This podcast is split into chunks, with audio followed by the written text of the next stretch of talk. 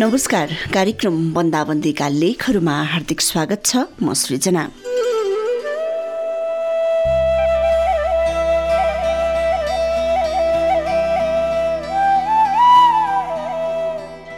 समय आफ्नै गतिमा अगाडि बढिरहेको छ तर हामी मानव भने यति बेला गतिहीन जस्तै बनेका छौँ।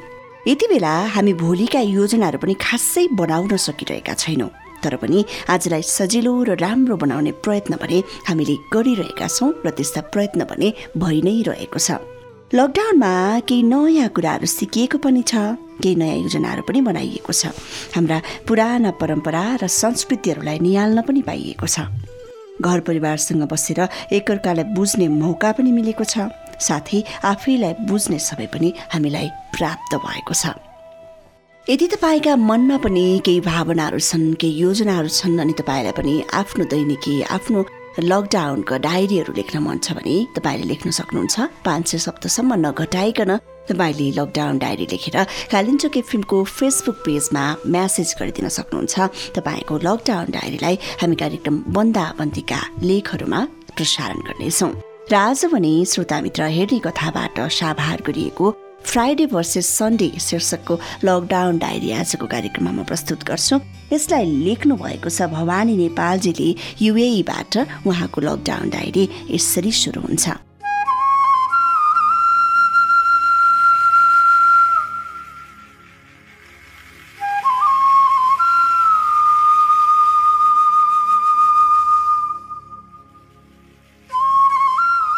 म पर्दिसेको सात वर्ष भएछ।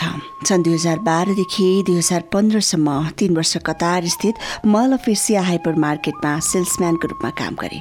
त्यस पश्चात म स्वदेश फर्किएँ र पुनः दुई हजार सोह्रमा मध्यपूर्वको विकसित देश युएको दुवै सहरमा आएँ र एक प्रतिष्ठित रिटेल मार्केटमा सेल्सम्यानको अहुदामा अहिलेसम्म कार्यरत छु।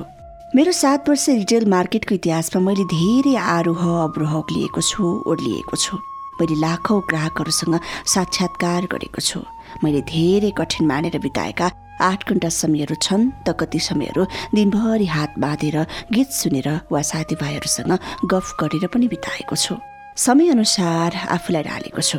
म मार्केट लाइनमा काम गर्ने भएर होला मलाई ठुलो जमातको भिडभाडहरूदेखि खासै अनौठो लाग्दैन। किनकि हरेक शुक्रबार हाम्रो लागि फ्राइडे हुने गर्दछ। फ्राइडे अर्थात् हाम्रो मस्तिष्क फ्राई हुने दिन फ्राइडे। आज चाहिँ आइतबार। आज पनि म आफ्नै तालमा ड्युटीतिर लागेँ। बिहान दस एघार बजेसम्मको माहौल त ठिकै थियो अरे तर जब दिन ढल्दै गयो तब मानिसहरूको चहल पहल साविकभन्दा अनौठो र अप्रत्याशित ढङ्गले बढ्दै गयो। एक्कासी ग्राहक सेवा कक्षबाट अफिसियल जानकारी आउँछ कि हामी त्यहाँ कार्यरत सबै कर्मचारीहरू नगद काउन्टरमा सहयोग गर्न जानु पर्यो भनेर। म लगायत धेरै साथीहरू गयौँ र ग्राहकहरूले किनेर ल्याएका सामानहरूलाई क्यासियरले स्क्यान गर्दै हामीलाई दिने र हामीले उक्त सामानहरूलाई सकुशल प्लास्टिकको झोलामा हालेर ग्राहकको ट्रलीमा राखिदिने। त्यसै गर्दै आफ्नो जिम्मेवारी वहन गर्दै थिएँ। एकजना ग्राहकले मलाई सोधे आज किन यति धेरै भिड भएको? म आफै अन्यलमा थिएँ र प्रति प्रश्न गरेँ म कसलाई सोधु भनेर सोचिरहेको थिएँ। सर खासमा आज किन यस्तो भिड भएको? के आतंकित समाचार आएको छ र सर? मेरो प्रति प्रश्नले बिचरा ती ग्राहक अलमलमा परे सँगै काम गर्ने एकजना नेपाली बहिनीले भनिन् हामी नेपाली कति काम गर्न सक्छौँ है दाजु? हेर्नु न आठ घन्टा भइसक्यो। अहिलेसम्म खाजा खान गएको छैन। मलाई कसैले खाजा खाने पालोसम्म दिएका छैनन्। कस्तो तिर्खा लागेर घाँटी सुकिसक्यो? अनि त रिसैले सुपरभाइजरलाई बोलाएर के हो हामीलाई खाजा खान जान नदिने? भोकै काम गर्नु हामी? कति बेरदेखि तिर्खा लागिरहेको छ? पानी सोध्न पनि कोही आउँदैन। तिमीहरूलाई हामी के रोबोट हो जस्तो लाग्छ? भनेपछि बल्ल पाँच सय एमएलको एक बोतल पानी ल्याएर दियो। हामी मुखसँगै हात पनि चलाइरहेका थियौँ। बोल्दै काम गर्दै थियौँ। ती बहिनीले गाह्रो सुनाइरहँदा पनि उनको ओठबाट मुस्कान भने बिल्कुलै हराएको थिएन। ग्राहकहरूलाई अभिवादन सम्बोधन गर्न भने छाडेकी थिइनन्। मैले मनमा नै भने हामी नेपाली कति इमान्दार संस्कारी र मेहनती छौँ अघि। साँच्चै भन्नुपर्दा मेरो सात वर्ष अनुभवमा पहिलो पटक यसरी ग्राहक आएको देखेर पुगे। कसले के समाचार गलत वा सही सम्प्रेषण गर्यो थाहा छैन तर सन्दर्भ उही कोरोना भाइरसकै थियो। त्यसमा दुई मत छैन तर के समाचार कहाँबाट कसले कसरी कति बेला किन गर्यो यो एउटा सोच्नै पर्ने र सोध्नै पर्ने विषय बनेको थियो। विशेष गरी बिहिबार शुक्रबार र शनिबार यी तिन दिन व्यावसायिक हिसाबले अनुकूल दिन मानिन्छन्। तर अहिले विपरीत भइरहेको छ र थियो पनि।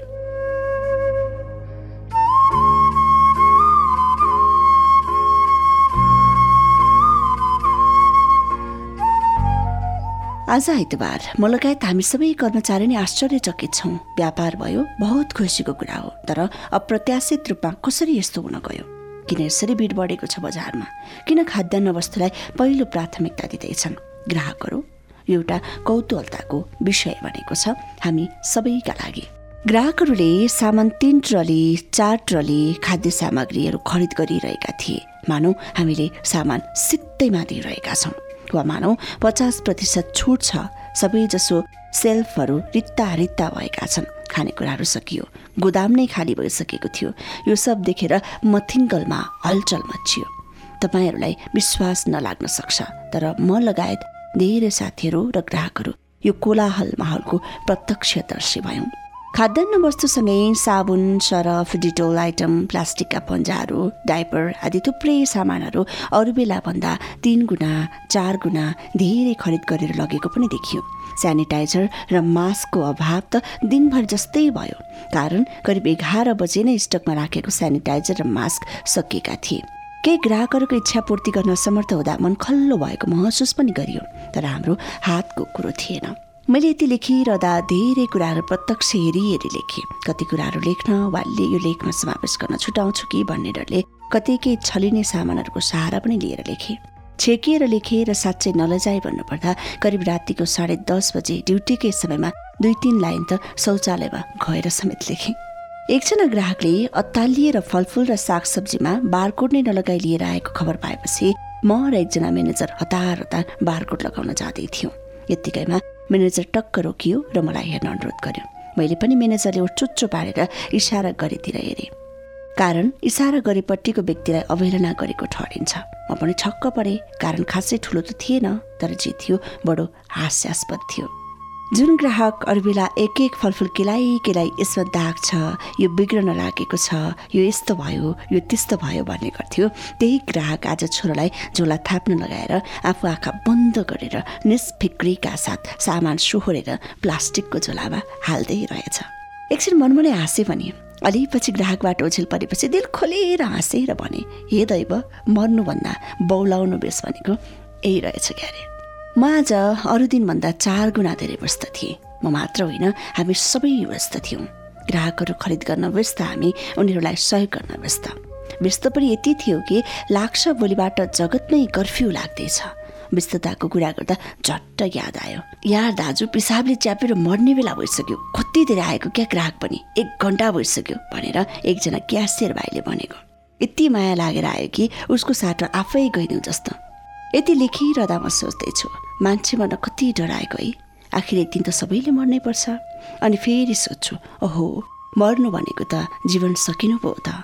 जीवन नै सकिए त सबै सकिएको नि केही नै बाँकी रहेर। अन्त्यमा आत्तिनुभन्दा सावधानी अप्नाउनु न सबैमा अनुरोध छ